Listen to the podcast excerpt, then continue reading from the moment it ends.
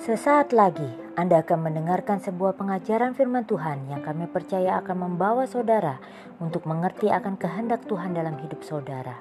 Dari GPD Ventura, selamat mendengarkan.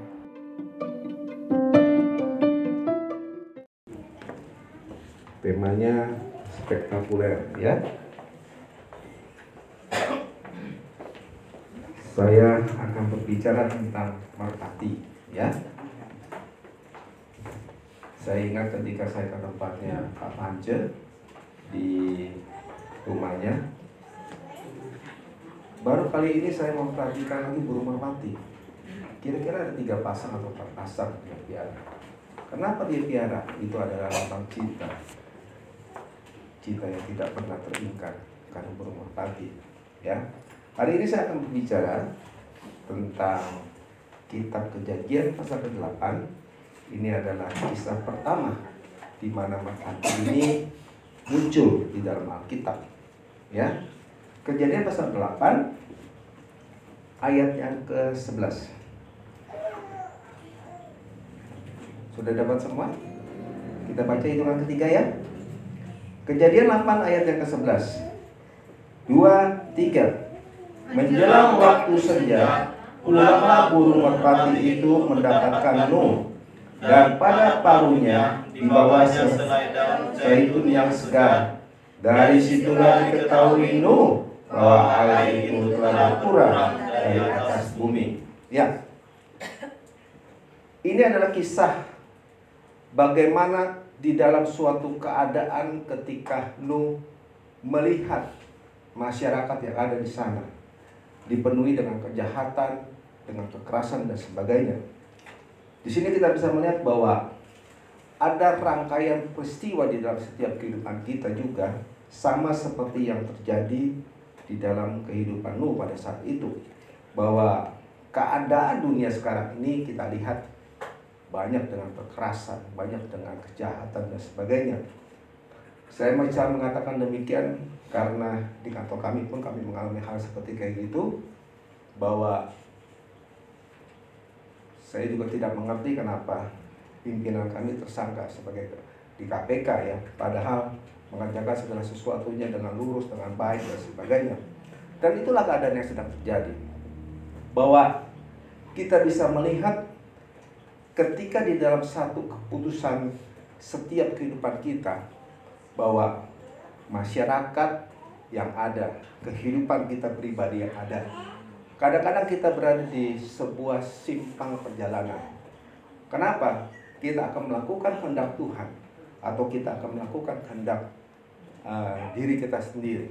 Ya, kadang-kadang kalau kita melakukan kehendak yang diri kita sendiri atau kehendak yang sedang terjadi di dalam setiap pergolakan masyarakat, itu seakan-akan segala sesuatunya mudah, cepat, instan dan sebagainya.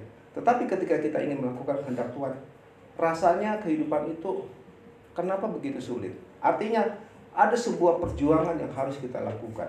Ya, Nuh menghadapi satu dilema. Dia harus melakukan kehendak Tuhan atau mengikuti masyarakat yang ada. Dan masyarakat pun demikian. Dia melihat Nuh sebagai sesuatu yang tidak masuk akal. Kadang-kadang kehendak Tuhan yang ditaruh dalam setiap kehidupan kita itu sangat-sangat bertentangan dengan hal-hal yang terjadi di dunia ini. Artinya, sesuatu yang kehendak Tuhan itu sering kali bertentangan dengan kehidupan masyarakat yang ada. Ya, kita lihat bagaimana ketika anak-anak Tuhan berjuang begitu keras di Wuhan untuk menyelamatkan orang-orang yang ada di sana. Perjuangan mereka sungguh luar biasa, menampung orang-orang yang sakit dan sebagainya. Kadang-kadang kehidupan kita seperti demikian juga. Kadang-kadang kita menghadapi satu dilema, apakah saya harus melakukan seperti ini atau tidak? Ya, jujur pada uh, beberapa bulan yang lalu ketika saya ingin bertindak melakukan uh, tempat di tempat kami tempat saya itu kebetulan kota kami sudah selesai. Karena sudah selesai saya berpikir Tuhan tempat ini kosong. Saya akan pergunakan seperti seperti uh, untuk hal-hal yang pernah saya lakukan dulu gitu ya. Dan untuk melakukan hal itu sebenarnya tidak mudah. Kenapa ada sebuah tantangan besar khususnya memulai sesuatu itu kan perlu dana, ya. Saya pikir harus perlu dana dan sebagainya. Dan di situ sebetulnya saya bisa mendapatkan sesuatu dengan mudah. Kenapa? Banyak barang yang bukan punya saya masih ada di sana semua, ya. Saya bilang ini bukan hak saya. Saya nggak berani melakukan itu. Jadi artinya sebetulnya itu kan sudah dibiarkan, tapi itu bukan hak saya. Barangnya bukan barang saya. Jadi banyak yang ngambil dan sebagainya. Saya nggak mau terlibat di situ. Itu adalah bukan bagian saya. Dan saya harus berjuang untuk hal itu. Kenapa? Ya harus mengeluarkan dana. Dan ketika sampai titik terakhir pun, ya ada satu lagi problem yang harus saya hadapi. Listrik nggak kuat rupanya. Simpel sebetulnya urusannya masalah listrik. Kenapa? Panggil orang, ya, jumper, selesai urusan, gitu. Tetapi hal itu nggak benar, ya kan? Sebagai anak-anak Tuhan itu nggak benar. Kita bisa melakukan hal itu dengan mudah dan instan dan sebagainya, tetapi itu akan membuat kehidupan kekristenan kita itu tidak tidak elok dipandang masyarakat, tidak elok dipandang Tuhan juga. Dan hal seperti ini juga yang dialami oleh Nuh. Ketika dia harus membangun sebuah bahtera yang notabene pada saat itu dia tidak tahu. Tuhan memang berfirman kepada dia untuk melakukan membangun bahtera Nuh. Sedangkan pada saat itu tidak terjadi apa-apa. Hanya dunia sedang mengalami kejahatan dan kekerasan dan sebagainya. Ya. Tetapi ketika dia melakukan kehendak Tuhan membangun Bateranu, pada suatu saat ketika air bah itu sudah turun, selama 40 hari 40 malam, baru kita mengerti kenapa Tuhan menyuruh melakukan kehendak Tuhan. Ketika bumi begitu hancur dan sebagainya, semua tidak ada, semua habis binasa. Di sinilah Tuhan menunjukkan bahwa kehendak Tuhan itu lebih baik daripada kehendak pribadi kita. Manusia sering kali seperti yang saya sampaikan beberapa minggu yang lalu bahwa tujuan hidup kita akhir daripada omega yang saya katakan adalah bahwa apakah kita melakukan kehendak Tuhan atau Tuhan yang mengikuti kehendak kita. Ya, sekali lagi di dalam setiap akhir kehidupan kita, apakah Tuhan yang mengikuti kehendak kita? Kita minta Tuhan berkati kehendak saya ini. Ataukah dalam hati kita, dalam hidup kita, Tuhan apakah kehendakmu? Itu yang kita ikuti. Dan ini selalu terjadi dalam setiap kehidupan kita. Ada sebuah persimpangan ketika kita memasuki sebuah era kehidupan. Kita mengikuti kehendak Tuhan atau Tuhan yang mengikuti kehendak kita.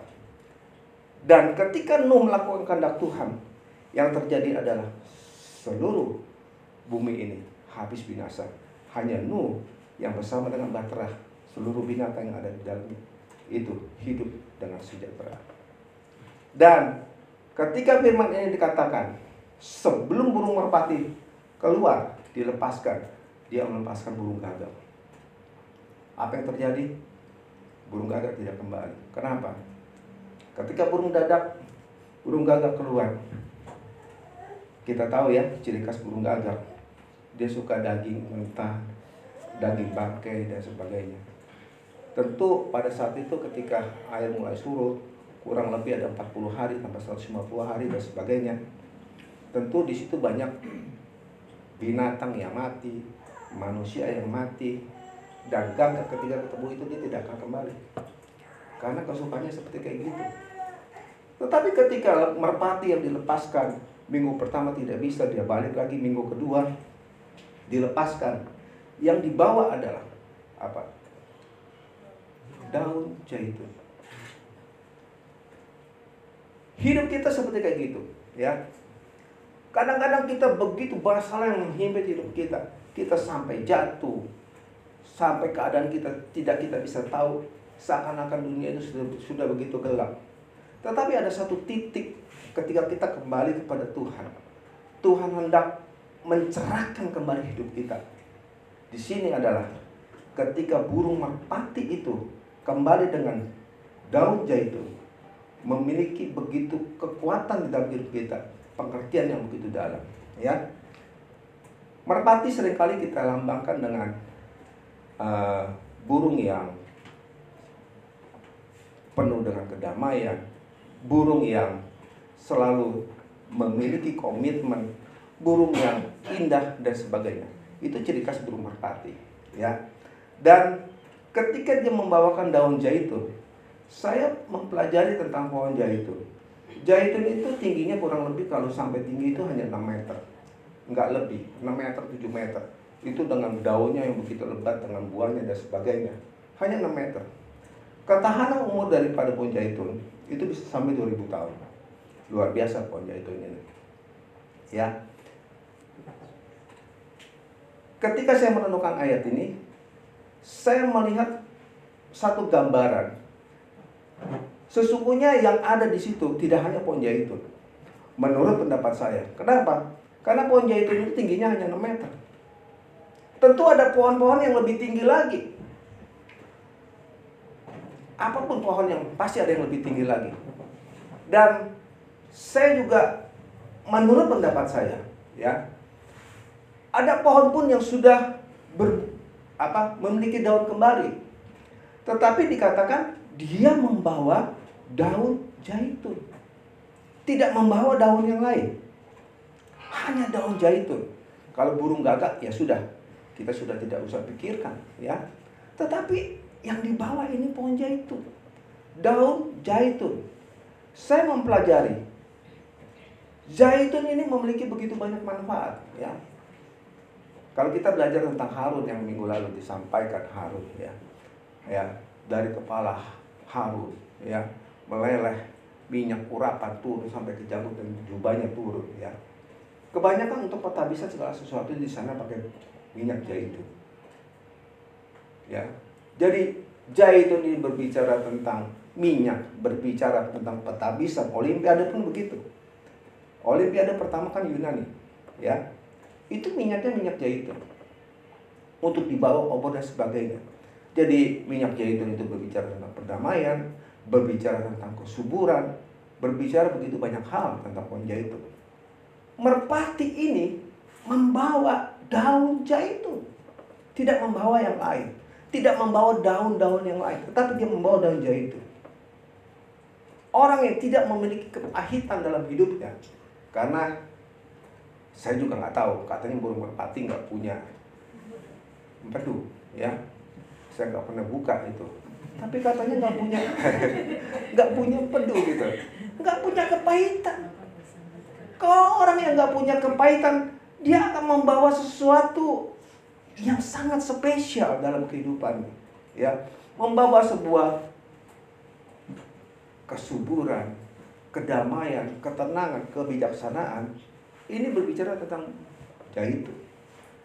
Jaitun itu berbicara tentang hal-hal yang luar biasa yang dibawa oleh merpati, yang dibawa oleh orang-orang yang tidak memiliki kepahitan. Mazmur 128 ketika saya membaca ini ya. Mazmur 128.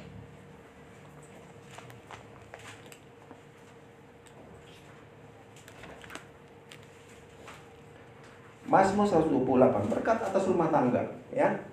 Berkat atas rumah tangga. Nah, baca gantian ya, saya yang ganjil, Bapak Ibu yang genap. Berbahagialah setiap orang yang takut akan Tuhan yang hidup menurut jalan yang ditunjukkannya. Apabila engkau memakan hasil jeripaya kamu, berbahagialah engkau dan baiklah keadaanmu. Istrimu akan menjadi seperti pohon anggur yang subur di dalam rumahmu, anak-anakmu seperti tunas pohon zaitun sekeliling mejamu. Sesungguhnya demikianlah akan diberkati orang laki-laki yang takut akan Tuhan. Kiranya Tuhan memberkati engkau dari Sion supaya engkau melihat kebahagiaan Yerusalem seumur hidupmu. Dan melihat anak-anak dari anak-anakmu damai sejahtera atas Berbahagialah setiap orang yang takut akan Tuhan. Yang memakan hasil jeripaya dari tangannya. Ya, Puji Tuhan kalau jemaat kita adalah jemaat-jemaat yang seorang pekerja dan sebagainya, ya seorang yang berjerih payah untuk memperjuangkan keluarganya dengan hasil jerih payah tangannya sendiri. yang tidak ada penipuan di dalam tangannya, yang tidak membawa sebuah tipu muslihat untuk mendatangkan sebuah berkat secara jasmani di dalam rumah tangganya. Tetapi yang dikatakan di sini adalah yang hasil jeripaya tangannya. Entah apa pun itu jenis pekerjaannya, ya. Ketika itu kita lakukan dengan sungguh-sungguh, maka firman Tuhan katakan, istrimu seperti pohon anggur. Artinya, ada sebuah sukacita di tengah-tengah keluarga. Kalau seorang istri, ya, saya tahu karena istri saya juga begitu ya. Kalau kita melakukan kesalahan, menyimpang dan sebagainya, dia akan marah besar. Tapi kalau kita membawa hasil jeripaya dari hasil jeripaya kita, dia bersuka cita sekali. Coba bayangkan. Kalau habis dari jeripaya, ya hasil kita ngerampok dan sebagainya, istri deg-degan, takut saudara. Anak-anak kita nggak tenang, diteror dan sebagainya. Banyak teman-teman saya juga seperti kayak gitu. Jadi saya tahu. Seberapapun hasil keringat dari seorang suami. Ketika itu dibawa di dalam rumah tangga, ya, dikatakan tadi istri suka cita. Anak-anaknya seperti apa? Seperti tunas pohon zaitun. Ya. Pak Ishak dengar, ya. Ketika hidup anak-anak Pak Ishak hidup di dalam takut akan Tuhan, ya kandungan yang ada di dalam setiap kehidupan anak-anak Tuhan ya karena anaknya lagi mengandung ya mengandung jadi punya cucu lagi gitu ya percaya dia akan tumbuh seperti tunas pohon itu ibu juga 8 bulan ibu ya 7 bulan ya ya akan seperti tunas pohon zaitun berbicara tentang kebijaksanaan, anak-anaknya akan luar biasa. Anak-anaknya akan subur. Anak-anaknya akan diberkati oleh Tuhan. Kenapa? Karena dikatakan ketika satu keluarga itu takut akan Tuhan. Makan dari hasil keringat payah tangannya. Ya. Istri akan bersuka cita seperti pohon anggur. Anak-anaknya akan bertunas seperti pohon zaitun berbicara tentang kebijaksanaan, kemakmuran, kesuburan dan sebagainya. Ini adalah kebenaran firman Tuhan. Ya.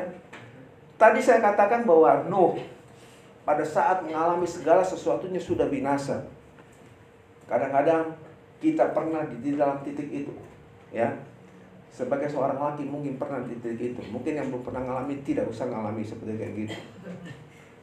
Ya, pernah ada di titik terendah sampai kita nggak bisa berbuat apa-apa lagi. Segala sesuatu habis binasa.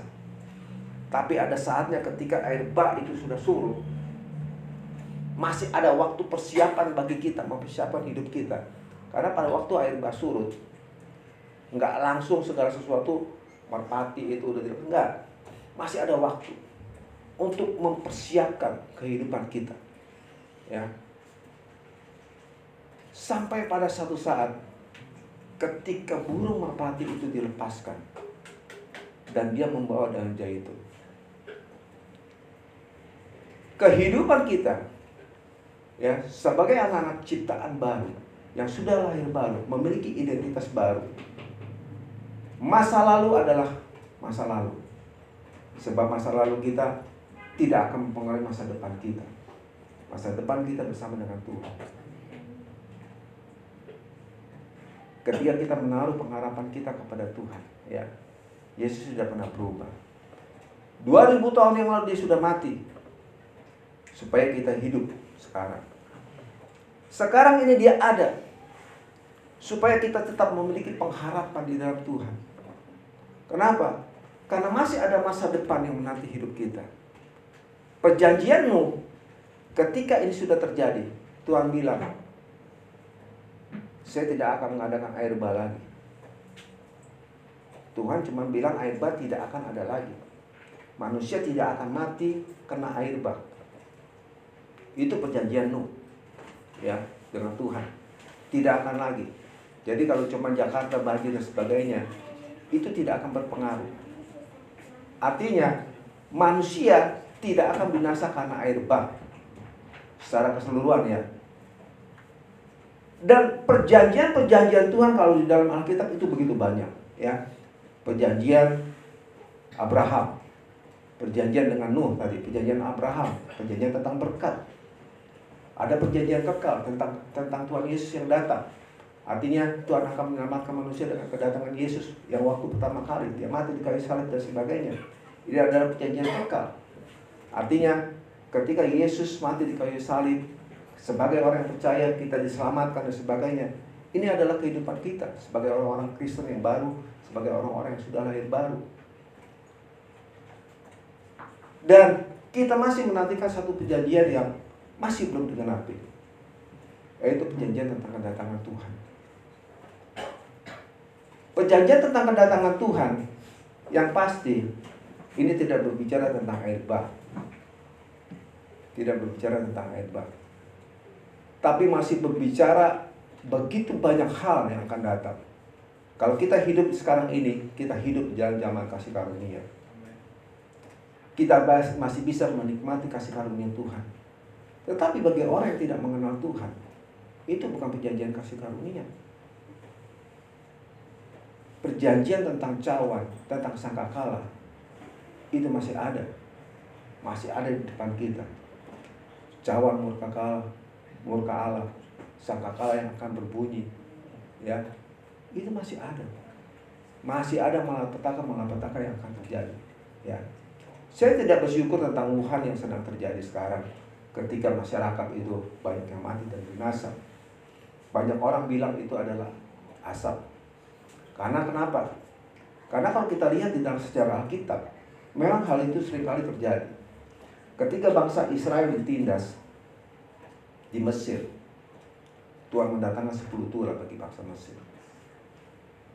Ketika zaman abad ke-1, abad kedua, Ketika orang Kristen ditindas oleh Romawi, pada saat itu pun ketika sudah cawan murka Allah begitu tinggi, maka yang terjadi adalah Romawi ditimpa dengan penyakit seperti sekarang ini. Orang Romawi banyak yang meninggal, banyak yang mati. Karena apa? Karena dia menista, karena dia menindas orang-orang Kristen. Yang pernah saya sampaikan, dengan kematian-kematian yang luar biasa. Orang-orang Kristen dikejar, orang-orang Kristen diikat, orang-orang Kristen dibunuh, orang-orang Kristen diikat tangannya, ditarik dan sebagainya. Orang Kristen disiram dengan timah panas dari kepalanya dan sebagainya. Ini yang terjadi pada saat itu. Ketika Romawi melanda hal demikian, penyakit sampar yang melanda, mereka baru tahu bahwa Tuhan Yesus itu luar biasa mereka kembali. Tetapi kembali sebagai agama Kristen, hatinya belum tentu. Dia menyatakan bangsa Romawi percaya kepada Tuhan Yesus sebagai orang Kristen. Karena apa? Bukan karena hal apa-apa. Karena melihat malah petaka akan terjadi lagi kalau mereka nggak mau percaya kepada Tuhan Yesus pada saat itu. Dan banyak kalau kita lihat sekarang, ya orang bilang kejadian Wuhan itu ada adalah akibat pada waktu tahun 80-90 ketika orang-orang Kristen itu dikejar-kejar orang-orang Kristen dibunuh pada saat itu oleh PKI maksudnya PKI yang ada di Tiongkok gitu ya. Katanya seperti kayak demikian.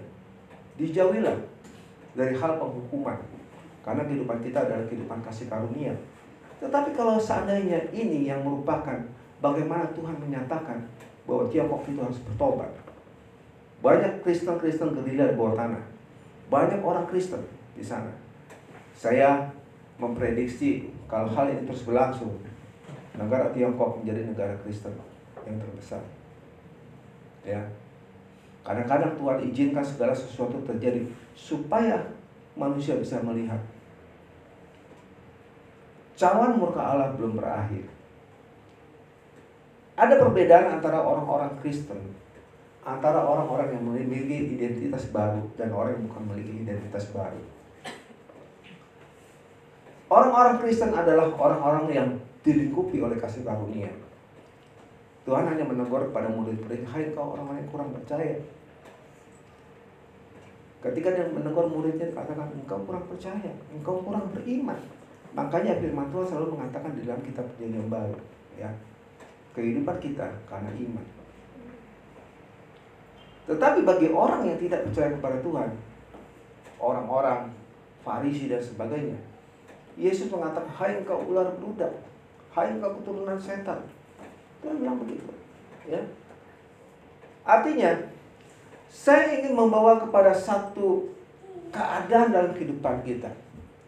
Ada saatnya kita jatuh terpelosok, jatuh begitu dalam dalam kehidupan kita. Tetapi Tuhan ingin mengangkat kita.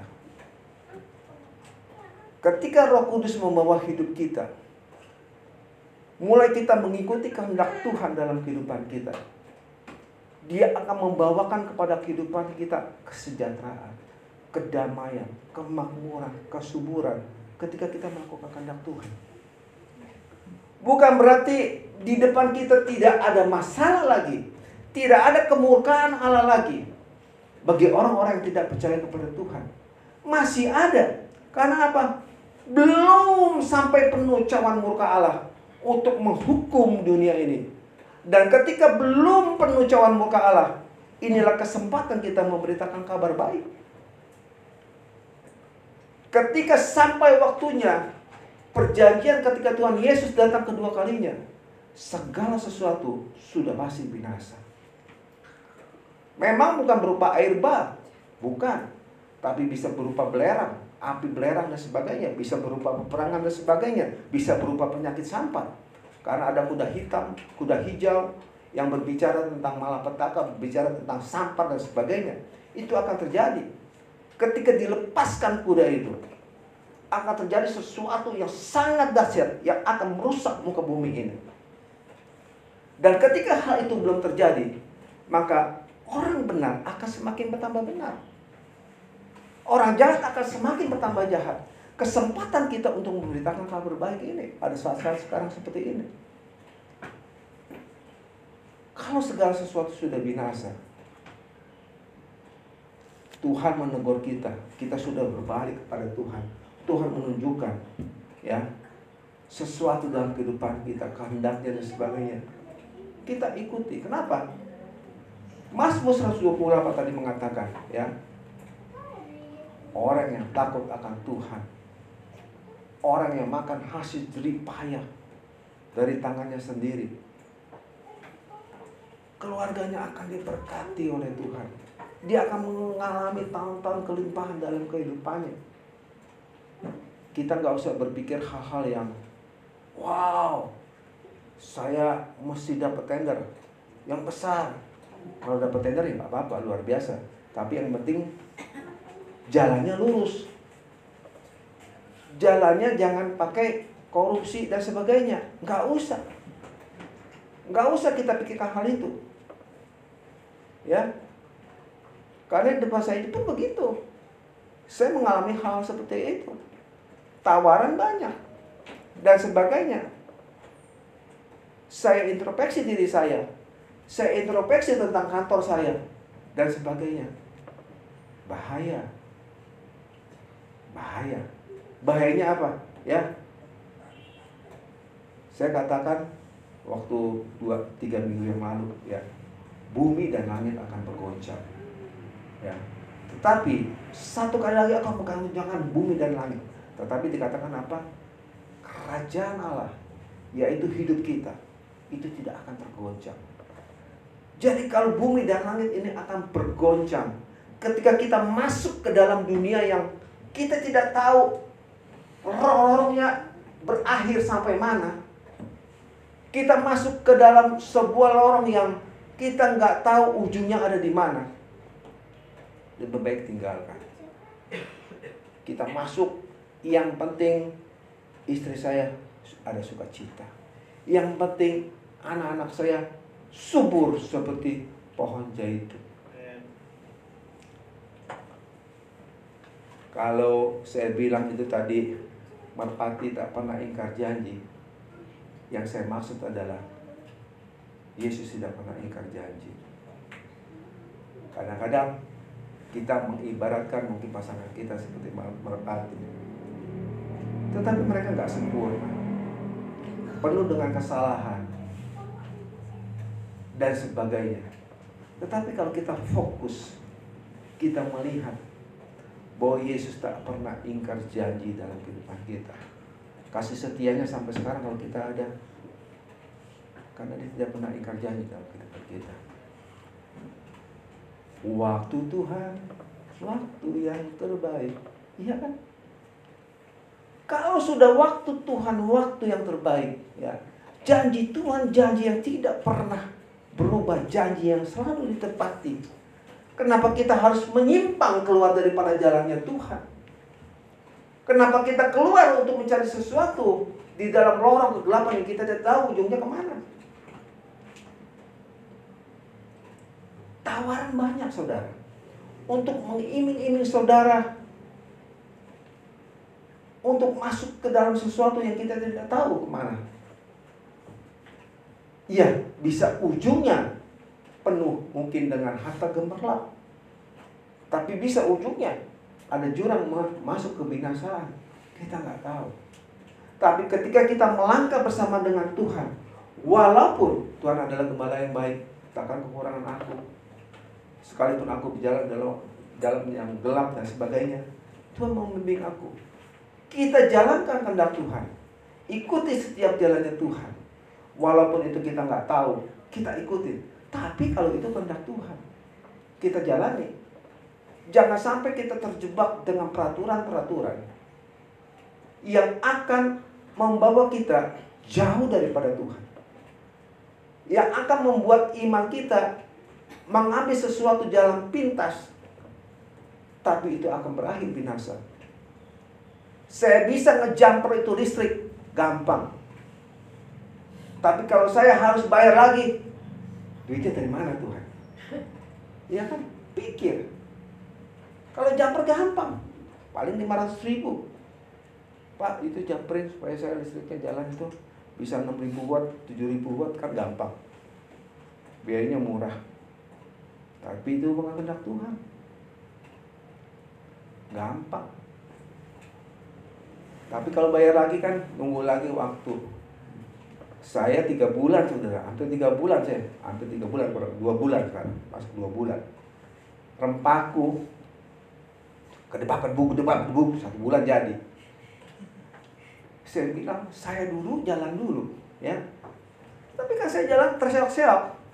Tuhan, aduh udah gak punya duit nih, mesti beli ini. Gimana lagi? Tunggu lagi stop.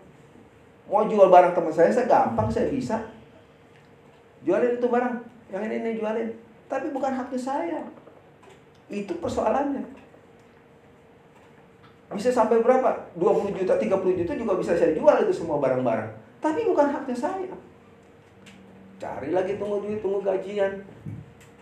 Ah udah ada duit, ya udahlah yang korban-korban keluarga karena ada korban anak saya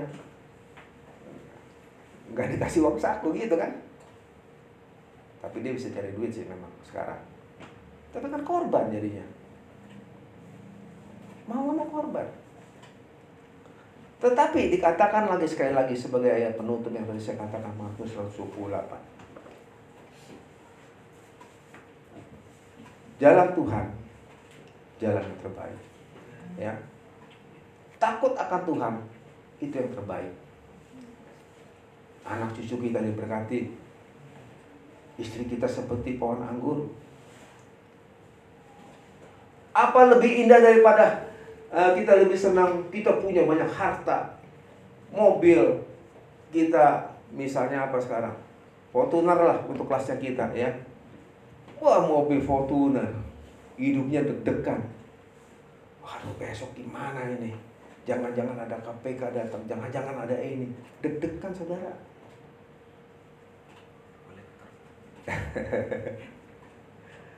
Lebih baik mobil EPV, Avanza, tapi hidup tenang gitu kan. Atau yang masih naik motor, yang naik motor nggak apa-apa gitu kan. Amen. tenang hidup kita. Bukan berarti kita waktu itu waktu itu baik.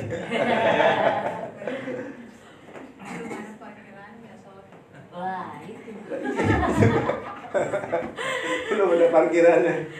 Eh, sadar.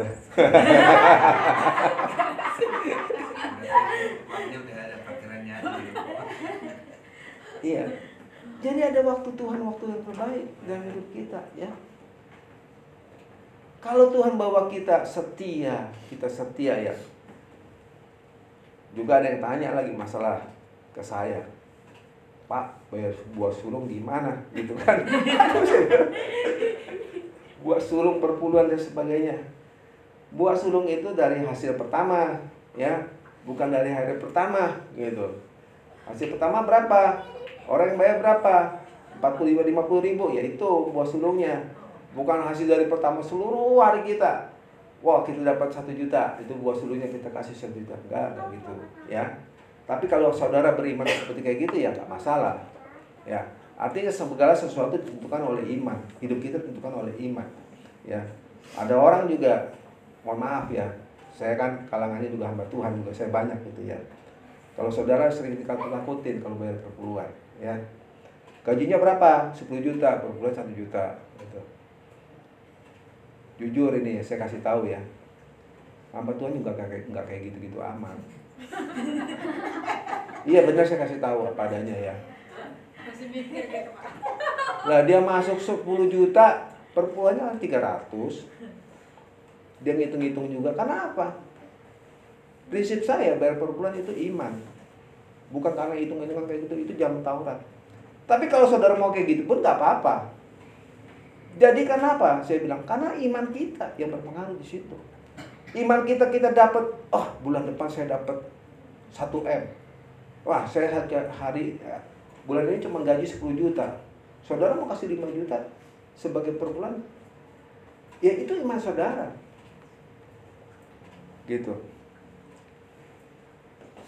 Kita Matius bilang ya, engkau bayar perpuluhan, engkau bayar ini dan sebagai sebagai sebagainya. Tetapi ada orang yang sedang kesusahan kau nggak tolong. Angus semuanya, percuma. Ya.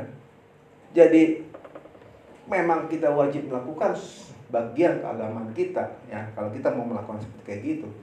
Tetapi belas kasihan itu lebih penting. Itu firman Tuhan katakan ya. Bukan berarti saya bilang eh saudara-saudara ya. Jangan bayar perpuluhan. Enggak saya nggak bilang gitu. Kembali lagi kepada iman saudara.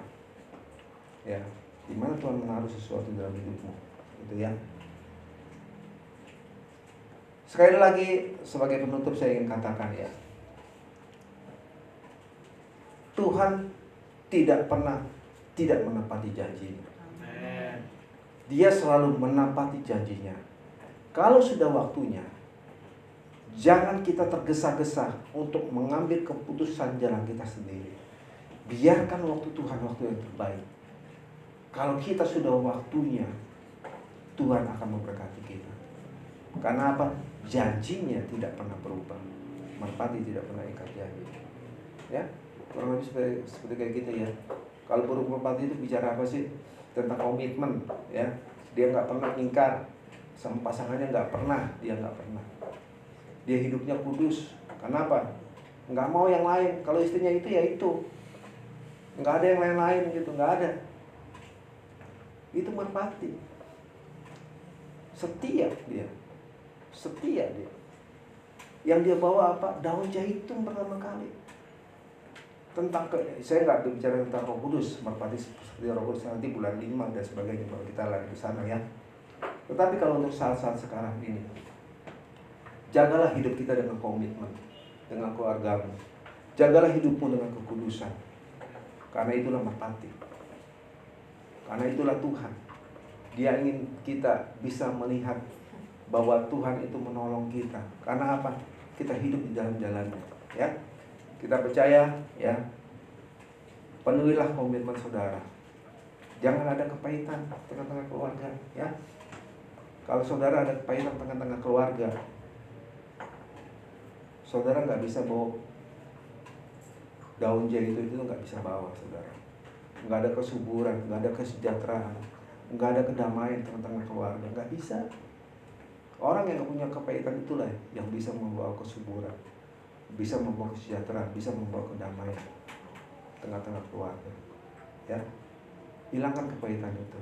Ya, bilang, ah Tuhan, saya udah nggak mau ada empedu lagi tengah-tengah keluarga gitu ya, yang istri, yang suami dan sebagainya. Karena apa? Ketika saudara sudah dipertemukan oleh Tuhan, ya itulah hidupmu, ya itulah keluargamu. Jangan nyimpang, jangan kanan kiri, ya. Tuhan akan memberkati kita semua. Terima kasih Tuhan berkati. Thank you.